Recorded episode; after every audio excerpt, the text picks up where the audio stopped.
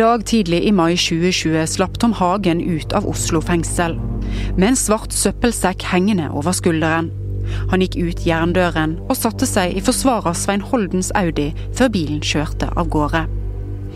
Da hadde han sittet flere dager i varetekt. Det var et nederlag for politiet. De får ikke rettens medhold i at det foreligger skjellig grunn til mistanke, eller sannsynlighetsovervekt for at den siktede har begått drapet. Men hvilke argumenter ble presentert for Eid Siverting lagmannsrett, egentlig? For to av tre lagdommere stemte for å løslate milliardæren. Hvorfor holdt ikke argumentene etter rettens mening? I denne episoden skal vi snakke om noen av grunnene til at politiet mener det er riktig at Hagen er siktet for drap eller medvirkning til drap. Vi skal også se nærmere på hva som taler til milliardærens fordel.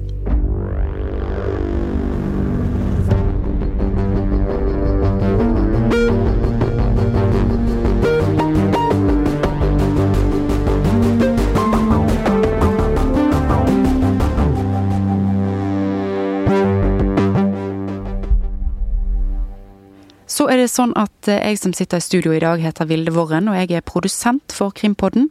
Programleder Tor Erling Tømtrud har permisjon og blir borte noen uker.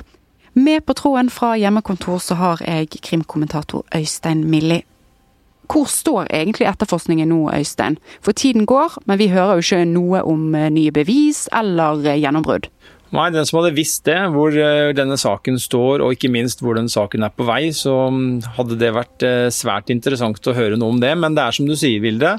Det er eh, dørgende stillhet. Det jobbes jo, og det jobbes med mye ressurser, og så vidt vi forstår, fortsatt stor optimisme. Men det er ikke tvil om at politiet må ha flere bevis. Det er fortsatt ikke kjent at det finnes noe som konkret eh, binder Hagen eller andre, eh, f.eks. av denne medsiktede, verken til drap eller medvirkning til drap. Eh, og det er altså verken før eller etter at Anne-Elisabeth Hagen forsvant. Og dette har jo også politiet erkjent i høst, at det ikke på det tidspunktet, ut fra hva som var kjent, fantes nok bevis til en tiltalebeslutning. Og dette er jo politiets hodepine. Dette er en enorm sak. Det er en sak som det er helt avgjørende å løse. Um, og det vil være en katastrofe for, uh, for, alle, og ikke minst for Tom Hagen om denne saken skulle bli uløst. Han vil da bli stående igjen med det jeg tror er uh, en slags mistanke mot seg, selv om saken eventuelt skulle bli henlagt. Så det er viktig å få denne løst både av hensyn til han, som har kommet i en situasjon hvor han er Eh, sikta for å ha, stå, stå, bak dette her. Og det er viktig for samfunnet som sådan at eh, så alvorlig kriminalitet blir eh, oppklart. Og så er det jo og så er det jo da ja, gått lang tid, og vi forventer vel at vi får høre noe mer i løpet av skal vi si, i hvert fall før sommeren. Hva er det som skal til da for at vi kan si at saken er løst? Ja, det må være at vi får Eh, personer, roller, eh, beskrevet eh, og dokumentert i forhold til hva som har skjedd. Det vil være en katastrofe om denne her saken etterlater seg et uklart bevisbilde. Uansett om det kommer en dom eller ikke kommer en dom, så, så tror jeg med erfaring fra fra både Orderud og Baneheia at folk må oppleve at det er minimal tvil om hvem som hadde de sentrale rollene. For man skal, Dersom folk flest skal oppleve at denne saken er, er løst, oppklart i folkelig forstand, så må man eh, få klarhet i hvem det var som drepte henne. Hvem som har fått Hagens penger, altså denne summen på litt over 10 millioner som han overførte. Hvem er det som har sittet på andre sida og spilt motpart, sendt mailer, Eh, laget dette brevet og, og uh, fått disse ja, fått pengene og også fått disse uh, krypterte meldingene via bitcoin. Uh, og så bør vi jo selvfølgelig helst også få vite hvor det ble av Anne-Elisabeth Hagen. For jeg, for, jeg, tror at i folks øyne så, så, holder det ikke med noen medvirkningsdommer hvor mange av disse spørsmålene blir stående ubesvart. Så, så det er Eh, sånn jeg ser det, et, et bilde. Og så er veien til en oppklaring på, på disse premissene, den ser jo, må jeg erkjenne, veldig lang ut akkurat nå. jeg må innrømme det. Jeg har jo fulgt denne saken fra før den ble offentlig, kjent, og jeg har jo hele tida kjent på en veldig hva skal jeg si, et stort behov for at den blir oppklart. Det er jo noe som holder meg søvnløs til tider. Uh, og det vil jo bli enda verre hvis denne saken skulle ende opp uh, i en situasjon som jeg er inne på, at, at han blir henlagt og, og, etterlater seg en sånn inntrykk av at Hagen har blitt straffeforfulgt, eller ikke straffeforfulgt, men blitt sikta og etterforska som sikta Eh, for noe han aldri burde vært sikta for. Eh, så fallhøyden for politiet begynner å bli stor. Det har gått to år, og eh, som sagt, ingen løsning som tilsynelatende ligger rett foran oss. Fallhøyden begynner å bli stor for politiet. Altså, hvis det er sånn at ikke det blir noen løsning på denne saken, hva vil det ha å si for politiet?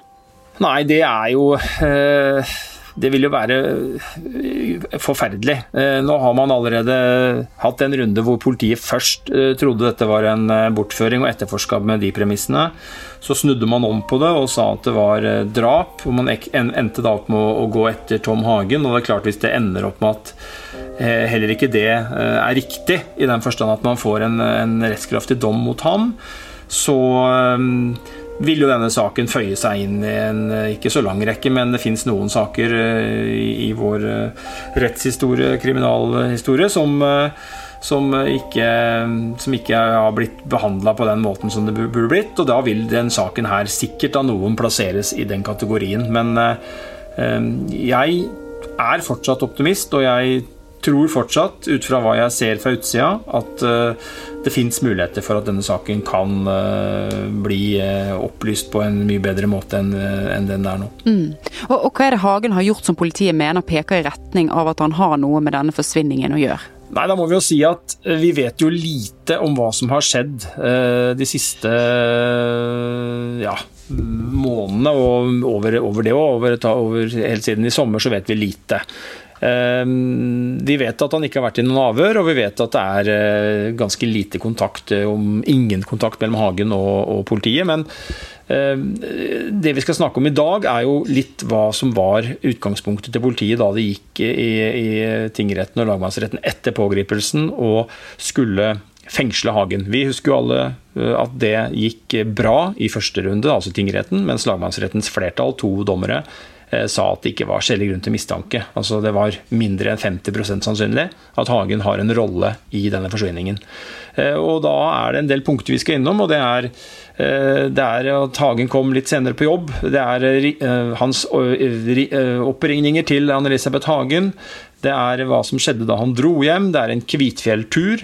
Ehm, og det er noen slettede anrop, og det er noen DNA-spor, og, det er samlivet mellom uh, Tom og Anne-Elisabeth Hagen, og det er også kryptovaluta som er stikkordene for uh, det vi skal snakke om i dag, Vilde. Og Øystein, du har jo snakket med Jørn Lia Horst om eh, dette. Og dere som hører på vet nok sikkert hvem det er, men jeg bare oppsummerer litt kjapt. Han er altså tidligere politietterforsker og også krimforfatter. Kanskje du har lest eh, noen av bøkene hans. Og han skal hjelpe å sette ting litt i perspektiv for oss. Det er, jo, det er, jo, kjent at uh, Hagen og Holden da, på den ene sida og politiet på den andre sida er uenige om en del sentrale hendelser og forhold. Særlig da knytta til eh, forsvinningsdagen. Eh, og det er jo dette vi skal snakke med deg om, eh, Jørn. Men først så må jeg bare spørre om én ting som jeg har tenkt en del på. Det er jo Politiet syns jo, som vi skal komme tilbake igjen til, at det er veldig mistenkelig at Tom Hagen avviker fra sitt vanlige mønster den dagen Anne-Elisabeth Hagen forsvant 31.10.2018. Ehm, samtidig så er det jo ingen eh, ting som tyder på at politiet kan sannsynliggjøre at Hagen har en fysisk rolle i denne forsvinningen, eh, gitt at han skal, eh, skulle være skyldig, slik politiet jo da, da mener. Og da, da, tenker jeg, er ikke det er ikke det like mye et argument for Hagen, da? At han har gjort mye uvanlige ting. Altså, hvis du hadde bestilt et, en bortføring eller et drap på kona di, så ville jo det i mitt hode det mest naturlige og fornuftige være å sitte helt stille i båten, gjøre akkurat det samme som du pleier. Ikke gå seint på jobb, ikke ringe henne mange ganger, ikke dra hjem. Dra på jobb som du pleier, jobb som du pleier. Dra hjem og si oh, hun er borte. Altså, jeg synes Alt denne saken her er sånn at det kan tolkes eh, i begge retninger, både for og imot. Og Det er jo mye av det det handler om. da. Å, eh, altså Vi snakker ofte om å tolke bevis, men her er det jo ikke bevis vi tolker og ser på. Det er jo eh, atferd og, og oppførsel. Og det er som du sier, altså Hvis du har arrangert Eh, medvirka til at noen skal eh, Ja, at kona di skal bli, bli tatt dagen etterpå. Er det kvelden i forveien? Er det liksom kvelden for å legge ut på en hel aften? Eh, så, så, så, det kan ja, det kan tolkes i begge retninger, som så mye annet i denne saken her. Og Da skal vi jo gå igjennom en del punkter her ganske grundig. Og dette er jo for å bare si det, så er jo dette er jo da et øyeblikksbilde. Vi skal tilbake igjen til mai i 2019. Ehm, da politiet argumenterte først i tingretten, så i lagmannsretten, for at Hagen skulle fengsles. Og det er jo, det, er jo eh, det som ble anført i hovedsak da vi skal snakke om, og bare understreke det at det kan ha dukka opp eh, ting etterpå som ikke vi vet noe om, og som endrer bildet. Og det kan også være ting som eh, politiet kanskje ikke hadde med, uten at jeg har noe formening om det da i denne fengslingsrunden. Men, men vi skal i hvert fall gå inn på det som da endte, som mange husker med, at Hagen ble løslatt fordi at flertallet i lagmannsretten vendte tommelen ned til politiets bevis. De mente at det var ikke sannsynlighetsovervekt for at uh, Hagen er skyldig i medvirkning, medvirkning til drap eller drap på kona si.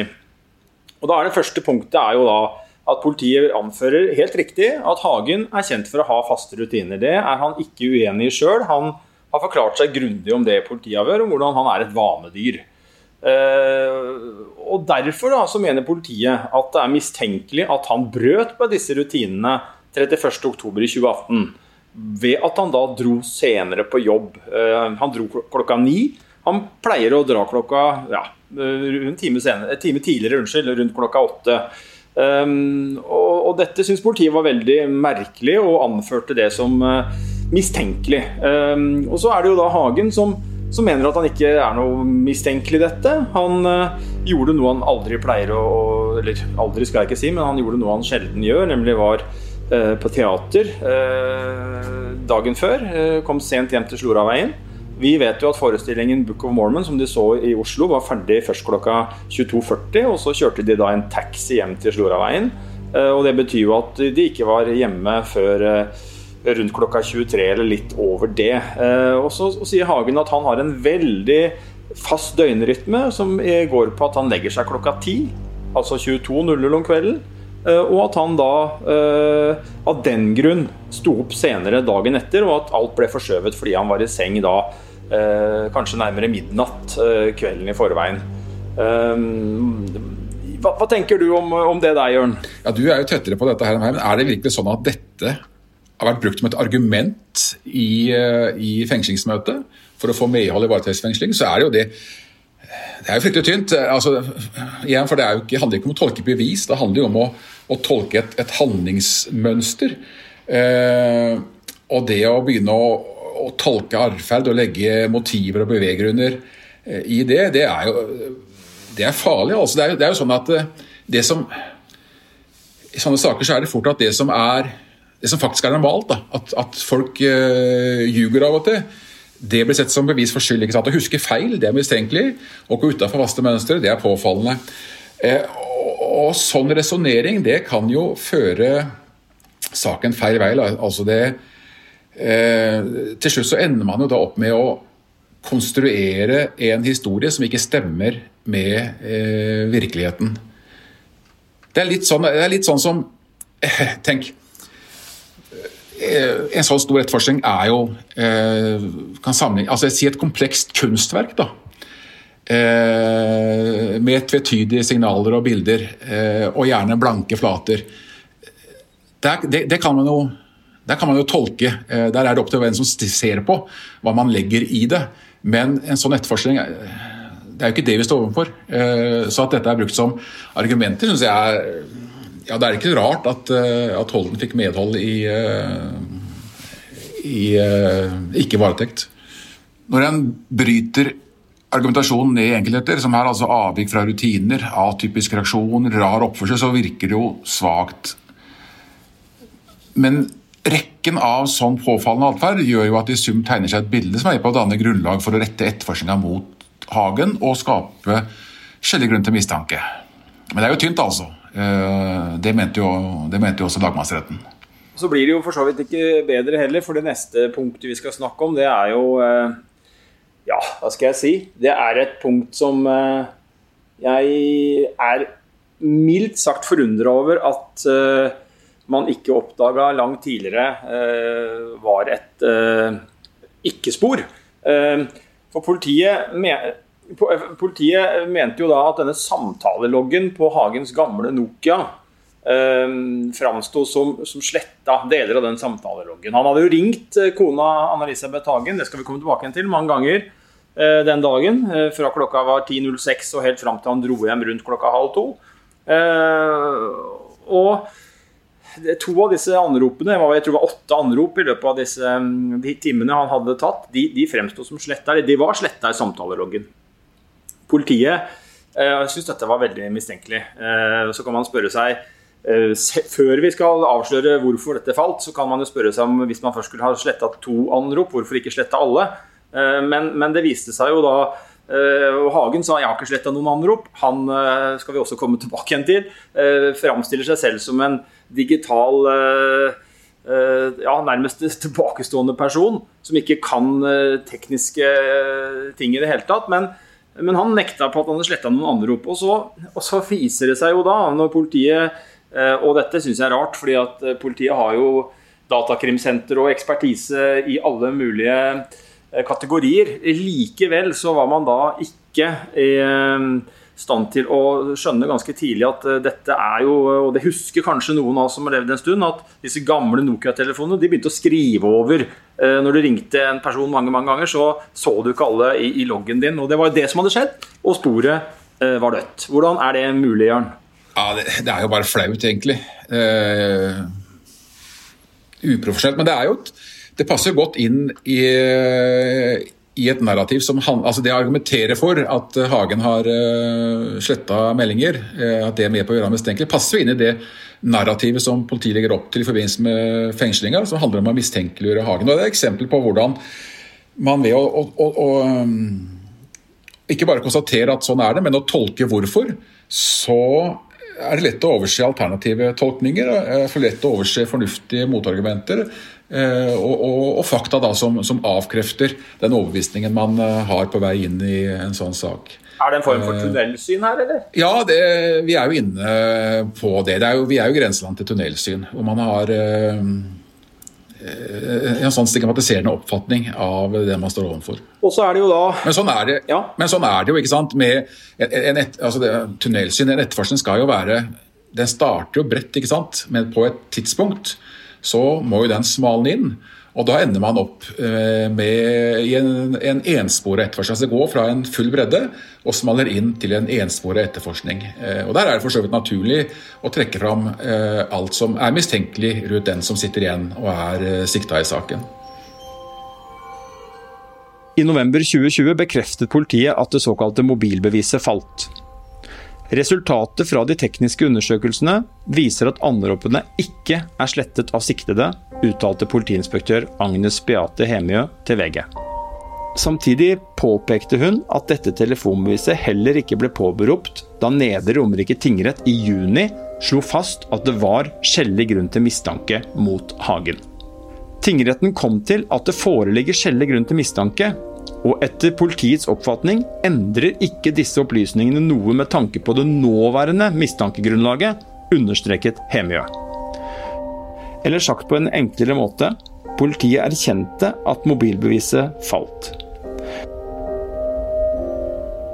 Eh, neste punkt vi skal snakke om, det er jo eh, noe som vi har kalt 'Hvorfor gir ikke Hagen beskjed om at noe virker rart hjemme?' Og Da skal vi altså bevege oss fra eh, fra disse telefonoppringningene han gjorde fra kontoret sitt i, i Futurum, næringsparken, som ligger en 6-7-8 minutter kjøring fra, fra, hjemmet, og inn i Sloraveien 4. For det Hagen har forklart at han dro hjem fordi han var dypt bekymret for kona. Han hadde ringt henne flere ganger, men uten at hun svarte. Ikke ringte hun tilbake heller. Derfor satte han seg i bilen rundt klokka 13.30 og kjørte hjem til Sloraveien. Dit kom han litt før klokka 13.40. Huset var tomt, og det var ikke tegn til liv. Etter bare noen minutter ringte den ene datteren på fasttelefonen i huset. Politiet pekte på at Hagen i denne samtalen angivelig ikke ga uttrykk for bekymring. Politiet syntes også det var mistenkelig at han ikke hadde oppdaget synlige spor i inngangspartiet. Dessuten ble det anført at toalettrommet i første etasje, som ligger like innenfor inngangsdøra, var det siste stedet Hagen sjekket. Og det var nettopp der det var synlige spor etter at noe hadde skjedd. Holden avviste disse argumentene og viste til at Hagen overfor flere kolleger hadde gitt beskjed om at han var bekymret, og at nettopp det var årsaken til at han dro hjem. Forsvareren viste også til at Hagen hadde vært i huset i bare et kort tidsrom da datteren ringte, og at også valpen var innesperra i et rom der den pep. Jeg tenker jo at det, Dette er jo elementer i forhold, som etterforskerne strengt de ikke burde henge seg opp i. for det, det forteller jo egentlig ingenting. Eh, Hagen er jo en helt ekstraordinær situasjon da han kommer hjem. Eh, kona er borte. Eh, eh og ingen av oss altså Hvordan mennesker reagerer i spesielle situasjoner, det er jo ikke gitt på forhånd. Det er ikke likt fra person til person. Sånn at Igjen så handler det om å tolke da, det man står overfor, og det har liten verdi. altså. Det er lettere for en førervarsel på villspor enn å føre i en, i en riktig retning. Politiet mente Hagens forklaring om at han ønsket å snakke med kona om en planlagt Kvitfjelltur, og at det var derfor han ringte henne flere ganger, ikke sto til troende. Årsaken var følgende. Mens Hagen var på vei til jobb like etter klokka ni, altså en times tid før han etter egen forklaring begynte å ringe ektefellen for å avklare turen til Gudbrandsdalen, sendte hun en melding til datteren om at de visst ikke skulle til Kvitfjell likevel, og at hun dermed kunne sitte barnevakt samme kveld. Med andre ord, Kvitfjellturen var avklart, slik politiet så det. Det var ingen grunn til at Hagen skulle snakke med Anne-Elisabeth Hagen om dette. Og dette ble sett på som mistenkelig. Holden påpekte på sin side at dette ikke var noe påfallende, og at det ikke hadde noen relevans for en eventuell skjellig grunn til mistanke om drap eller medvirkning til drap, hvorvidt Hagen hadde en god grunn eller ikke til å ringe kona si. Vi må spørre Jørn Lier Horst. Har dette noen eh, bevisverdi? Nei, altså Det er helt naturlig å, å, spørre han om det i et avhør. Men jeg tenker at mennesker som har og lenge at de har vært gift, da, mennesker som har levd så lenge sammen, de, man oppretter jo en form for egen dialog da, i et langvarig ekteskap. Det er mye som blir sagt mellom linjene, og, og, og, noe er underforstått uten at det blir sagt eller det ligger implisitt i det som, som blir uttalt. Uh, man snakker forbi hverandre, uh, tar ting for gitt. Så det kan godt være at uh, Lisbeth Hagen har skjønt på mannen sin at her blir det ikke noe tur, uten at han har sagt det endelige sitt om det. Og så har hun tatt det for gitt, og så har hun følt for å varsle og, og si at hun kan eh, være barnevakt likevel. Så, så, igjen, ingen bevisverdi i dette her, altså. Vi skal over, men vi skal over til noe som av og til i hvert fall kan legges noe i. Det er eh, blodspor og DNA. Ehm, det er jo eh, ofte kjente betegnelser på bevis. Men igjen så avhenger jo det da veldig av Eh, hva slags situasjon og hva disse DNA-sporene forteller, og hvilken kontekst de kan settes i. Eh, og her er det jo da, som det har vært omtalt flere ganger, så er det to ting i hvert fall. Da. Det ene er en, en, noen blodflekk, blodflekker eh, fra Hagen, altså Tom Hagen, som eh, politiet mener er eh, på plasser som er mistenkelige. Eh, og så er det snakk om DNA fra Hagen på eh, noe skotøy som eh, tilhørte eh, Anne-Elisabeth Hagen. Og da vil jeg tro at hypotesen er at, at han kan ha avsatt dette da eh, i en et, noe etterfølgende bistand eventuelt eh, som skal ha funnet sted da, når han kom tilbake igjen i huset. Eh, Hagen avviser jo eh, ikke bare skyld, men han avviser selvfølgelig også da å ha eh, noen eh, vært borti disse gjenstandene på en sånn måte som politiet antyder. Han anfører jo at han ikke var i Sloraveien på tidspunktet hun ble borte, han var på jobb. Og så er jo spørsmålet da disse DNA-sporene, ikke sant. Eh, blod, eh, flekk i et hus eh, fra den som bor der. Er det vanlig eller uvanlig? Og, hva må til for at dette blodsporet skal ha en bevisverdi, Jørn? Ja, jeg jeg syns dette her er vanskelig å få tak i, egentlig. For vi vet jo ikke hvor disse blodflekkene eller andre form for DNA er gjensatt. Men dette her er det som eh, taktiske etterforskere kaller for eh, situasjonsspor. Eh, altså et, si et, et fotavtrykk, fotavtrykk da, har jo ikke noen særlig verdi eh, på et sånt sted, men hvis det avtrykket er satt igjen oppå en bloddråpe, eh, så sier det noe om når eh, denne personen har vært der. Altså, DNA og blod kommer jo ikke med noe datostempel, men hvis man kan lese noe ut av situasjonen, altså en rekkefølge f.eks., eh, så vil det jo ha en, en større verdi. Eh, Foruten det vi har snakket om nå, så mente også politiet at fravær av Tom Hagens sålavtrykk på åstedet måtte tas i betraktning i mistankegrunnlaget. Hagen forklarte at han hadde sko på beina da han gjennomsøkte huset. Men politiet fant aldri et eneste avtrykk av disse skoene. Dermed trakk politiet i tvil om Hagen faktisk gikk gjennom huset slik han hadde forklart. Holden slo tilbake overfor retten ved å påpeke at han var betenkt over at politiet trakk frem fravær av spor i et forsøk på å overbevise retten om at det var skjellig grunn til mistanke for drap. Må vi snakke litt om ekteskapet. Det har jo vært kjent at det har vært noen utfordringer. Eh, I hvert fall påstås det. Eh, Hagen har for så vidt også bekrefta det sjøl på NRK, at det har vært eh, til tider noen utfordringer å skjære sjøen der. Politiet mener jo at Hagen har et såkalt sosialt, økonomisk og emosjonelt motiv. Hagen nekter straffskyld, han, og, og, sier at ekteskapet det har vært oppturer og nedturer, uh, men at det uh, ikke er noe mer dramatikk enn en som så. Men, men, en relasjon, da, en, hvor viktig er den å utrede, og hvordan vurderer man det bevismessig, Jørn? Ja, dette her er jo altså, Dette handler jo om motiv. Og her ligger jo kanskje også det eneste man uh, har funnet når det gjelder motiv. Altså, En drapsetterforskning det handler jo ikke bare om å jakte på en gjerningsmann, det handler også om å prøve å finne omstendigheten som dreiv fram den gjerningsmannen som, fikk, uh, som får et menneske til å, å drepe. Ofte kan det med motiv kanskje være det minst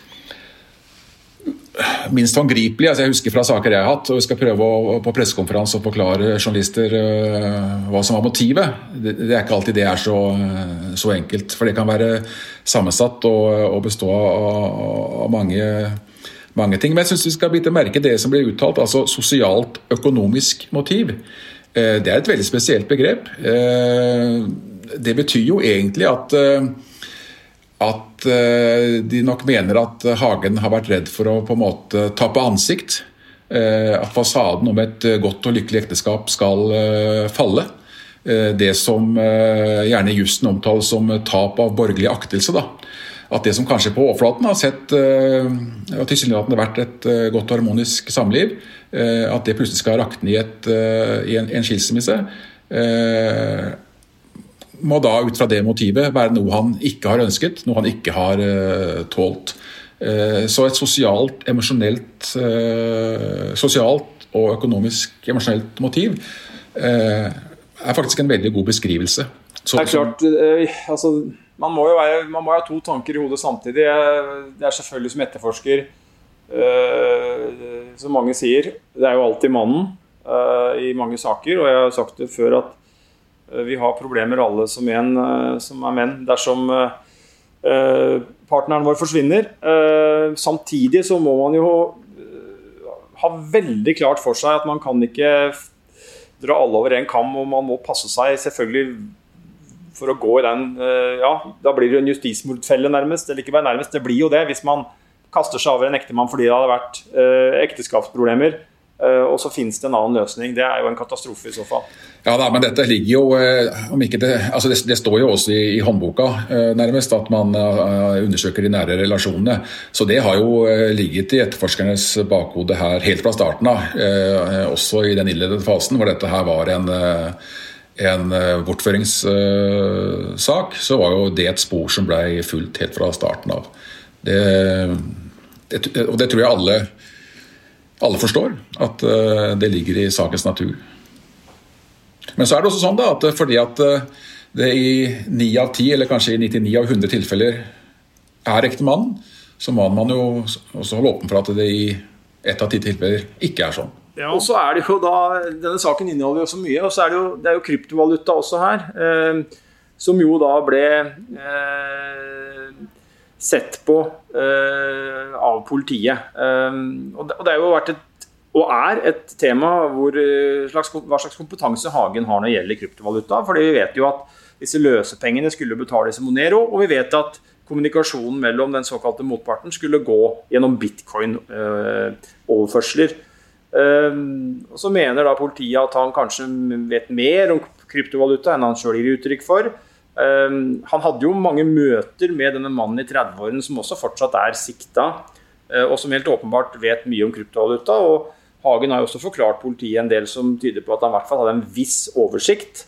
Ehm, samtidig så påpeker Hagen at, eh, at han er tilbakestående teknologisk. Vi har snakka med folk som kjenner han som sier han knapt, eller kanskje ikke kan åpne et vedlegg til en, en mail. Han hadde Nokia-telefonen, ikke noe smarttelefon. Så eh, han er opptatt av kryptovaluta i en sånn forretningsmessig forstand, men han mangler den tekniske kompetansen, eh, er vel eh, noe han har argumentert med. Eh,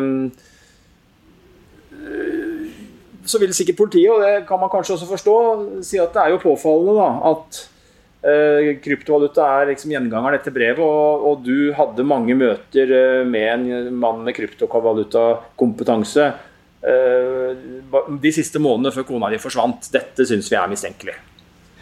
Det er, det er jo noe selvmotsigende i det å, å skulle iscenesette en alvorlig forbrytelse, altså en kidnapping, for å dekke over en annen forbrytelse. Altså Hvis du skal kvitte deg med kona di, så hadde det vært lettere å, å, å gått en tur på fjellet og kommet alene hjem, holdt jeg på å si. Eh, det ville vært eh, en enklere løsning. Så det er strengt tatt noe irrasjonelt over det. For det du gjør, er jo å invitere politiet inn i huset ditt til det som antagelig er et drapsåsted, men, eh, men eh, det som et eh, bortføringsåsted. Du vil jo nødvendigvis utløse en hel, en hel mengde etterforskning i huset ditt og retta mot deg som person. Og det, om, om ikke Hagen selv har kryptokompetanse, så tenker vel politiet at medhjelperne eller medhjelperen må ha hatt det. For det er jo dette handler jo nå om jakten på en medhjelper. Fordi tidslinjen tilsier jo at Hagen selv ikke kan stå bak den konkrete bortføringa. Iallfall sånn det er fremlagt til nå. Altså, og den eneste årsaken jeg kan tenke meg til at man har kommet opp på dette med krypto, eh, handler om at eh, altså hvis noen har gjort dette på oppdrag fra Dom Hagen, så gjør de ikke det gratis. De skal betale for det. Eh, men et pengespor sånn, det må jo skjules. Eh, så, så, så, dette med kryptosporet må i så fall handle om å dekke over et pengespor. Da. Hvis noen har gjort jobben, så skal de ha betalt. Altså, men en, en, banktransaksjon eller en pengeoverføring i disse størrelsesordenen her er jo lett for politiet å finne. Men ved å arrangere en bortføring og kreve løsepenger i form av kryptovaluta, og faktisk også betale kryptovaluta, så har man betalt for den jobben som er gjort. Eh, så Det er altså den eneste hypotesen jeg kan komme opp med, da, som handler om hvorfor uh, iscenesette Eh, en forbrytelse eh, med en annen. Og så er det jo full skjæring mellom politiet og Hagen, og det har det vært eh, veldig lenge. Nesten fra helt starten av denne saken. Han har vært i en rekke avhør, og det har vært et samarbeidsklima som har vært, også når han var vitne, dårlig. Politiet mener jo å ha anført det da i denne da de ville ha en varetektsfengsla, at han var vanskelig lite samarbeidsvillig. Eh, Hagen mener jo han har bidratt, og at han har stilt til avhør og ellers vært tilgjengelig for politiet. Han eh, mener politiet har låst seg til forklaringer eh, om at han er en krevende fyr, eh, og det ikke er sånn han ser det. Eh, politiet mener jo at han har mange husker kanskje ordlyden fra, fra pressekonferansen da, da, han ble pågrepet. Det var eh, betydelig villedning, tror jeg Tommy Brøske eh, brukte om, om, det Hagen hadde gjort. Eh, Hagen sier at han og Politiet mener at han kommer med teorier som er helt usannsynlige, og som det er helt, helt på jordet. Hagen har en annen oppfatning, og, og det støttes for så vidt av vitner at han Eh, i mange sammenhenger har en litt annen tilnærming til ting enn det eh, som kanskje noen vil betrakte som vanlig. Å være vanlig. Litt utenfor, tenke litt utafor boksen, for å, for å, bruke det uttrykket. Uh, og Han mener at han helt oppriktig har forsøkt å hjelpe politiet. Han har vært i avhør, vært i møter, fått beskjed om at du må komme med de innspillene du har, og komme med den informasjonen du har. Og det har han, tenker han, da, tatt på alvor og kommet med alt han tenker. Og så syns politiet at det er helt helt usannsynlig og vilt, og at det da taler mot ham. Ja, altså jeg har jo sjøl erfaring for at altså, kontakt med, kontakt med pårørende og den slags eh, Som gjerne ikke har noe annet å fylle tankevirksomheten sin med enn eh, nettopp prøve å søke svar etter hva som kan ha skjedd. Eh, og da dukker det opp de merkeligste hypoteser. Og når de blir presentert for oss etterforskere, så, så virker jo det mye av det virker jo ikke rasjonelt i det hele tatt. Så det kan godt være sånn som de rundt Hagen forklarer, at han ja, legger fram det han etter innfallsmetoden nærmest kommer over, og at det virker underlig på politiet. Det trenger ikke være noen bevisst villedning av den grunn, hvis det er sånn som du presenterer nå. Ville, ville, men ville det vært like rart om eh, han ikke hadde hatt noen synspunkter og noen tanker og bare sa at jeg har ikke peiling og bare vært Nei, jeg vet ikke. Ville det vært like mistenkelig? Ja, det er jo sånn som begynte denne samtalen med, at alt her sånn kan ikke tolkes i, eh, på to måter, i to retninger. Eh, så det kan du godt uh, si. Det som er, men det som er uheldig her, da, er jo at dette klimaet mellom politi og, og siktede, da. Hvor vi ikke får noen flere forklaringer fra Tom Hagen. for nå, spørsmålene blir jo antagelig bare flere og flere. og og man kom nok aldri dit i avhørssituasjonen at man eh, kunne begynne å konfrontere ordentlig med det man hadde av ordentlige konfrontasjoner. Det er det gjerne man sparer til slutt i en avhørssituasjon. Først er det friforklaringen, og så kanskje litt sånn som vi har snakka om med, med, rar og mistenkelig oppførsel. Og, og, så til slutt kommer gjerne det som er eh, virkelig konfronterende og som er ubehagelig å skulle finne svar på. Eh, så langt kom man kanskje ikke. Nei, det er eh så må vi jo gjenta da, at eh, det kan, dette er jo et situasjonsbilde fra mai vi snakker om nå. Det var jo da sånn at man hadde akkurat pågrepet Hagen, og man hadde jo så vidt starta da ransaking eh, av Sloraveien, eh, Kvitfjell, Futurum. og man hadde avhørt vitner i en annen kontekst enn tidligere, så vi må jo bare understreke det igjen. at det kan ha skjedd ting i begge retninger etter det som ikke vi aner noe om. Bare så det er helt klart at dette nødvendigvis ikke er bevisbildet politiet sitter med nå i, januar-februar eh, 2021. Um, men jeg må jo spørre deg, Jørn, litt Altså uh, Nå er vi, som jeg sa, i januar 2021, da, og vi har nå tippa to år og drøyt det siden dette skjedde. Og vi drar oss nå mot et år siden siktelsen av Hagen og denne mannen i 30-årene. Eh, det er fullstendig tyst fra politiet. Jeg tror ikke de engang svarer på hvor lenge de har tenkt å etterforske saken. Eh, ja, gi oss en god, kvalifisert eh, hvis du kan, tanke om, om, om hva som hvor mye man Når kan det komme en avklaring? Ja, det skulle jeg gjerne hatt et godt svar på. Jeg syns det har trukket veldig langt ut i tid. og og skal det komme en avklaring, så må det jo komme noe, eh, noe nytt. Altså Det eneste jeg kan tenke meg Vi vet jo sånn med DNA-profiler, DNA-teknologi. Der har det vært en uh, utvikling. Uh, I dag så kan man finne mye mer med mindre materiale enn det man hadde for fem år siden, og enda mer for ti år siden. Eh, det jeg tenker på er hvordan teknologien kanskje også kan gi noen svar etter hvert i dette kryptosporet. For der har det jo skjedd en transaksjon, eh, digital transaksjon, eh, med hjelp av koder og, og det med i ordet, ikke sant, krypto, som ikke lar seg spore. Men kanskje vil Eh, kanskje vil noen datateknikere med tiden klare å komme noen hakk videre eh, i det sporet. Eh, kanskje er det det eh, som drøyer ut i tid. Eh, kanskje har ikke politiet i alle fall lyst til å kaste kortene før, før man har fått svar på det. Hvor lenge kan Hagen gå ved å være siktet da, før man måte, må si at ok, vi kan jo ikke vente evigheter på at kanskje noe ramler ned her? Nei, men eh, vi har vel eksempler på at, eh, at eh, drapssiktede har sittet varetektsfengsel i både ett og to år før eh, saken har blitt eh, avklart. Sånn at eh, Men det bør jo komme en avklaring, ikke minst på, for hans del. Det vi har snakket om nå, er altså et situasjonsbilde fra mai i fjor. Politiet hadde etterforsket saken i halvannet år og kommet til et punkt hvor de mente det var helt riktig og viktig å pågripe Tom Hagen. Han ble varetektsfengslet i Nedre Romerike tingrett, men Holden brakte dette spørsmålet inn for lagmannsretten. Og det er argumentene hans for løslatelse og politiets argumenter for fengsling vi har belyst. Etterforskerne hadde i liten grad rukket å gå gjennom beslag fra Sloraveien, fra Tom Hagens arbeidsplass og fra parets to hytter da denne meningsutvekslingen fant sted. Det kan altså ha dukket opp momenter, både bevis som taler for Hagen, men også bevis som taler mot ham, men som foreløpig ikke er kjent nå i januar 2021. Etter det sviende nederlaget i lagmannsretten var det samling i bånn for politiet. I flere uker ble mistankegrunnlaget de hadde forsøkt å bruke i retten gjennomgått, man lette etter nye momenter og nye bevis som kunne anføres mot Hagen. Og i juni gikk politiet på nytt til retten. Denne gangen ønsket de rettens kjennelse på at de kunne ransake Hagens hytter på Biri og Kvitfjell.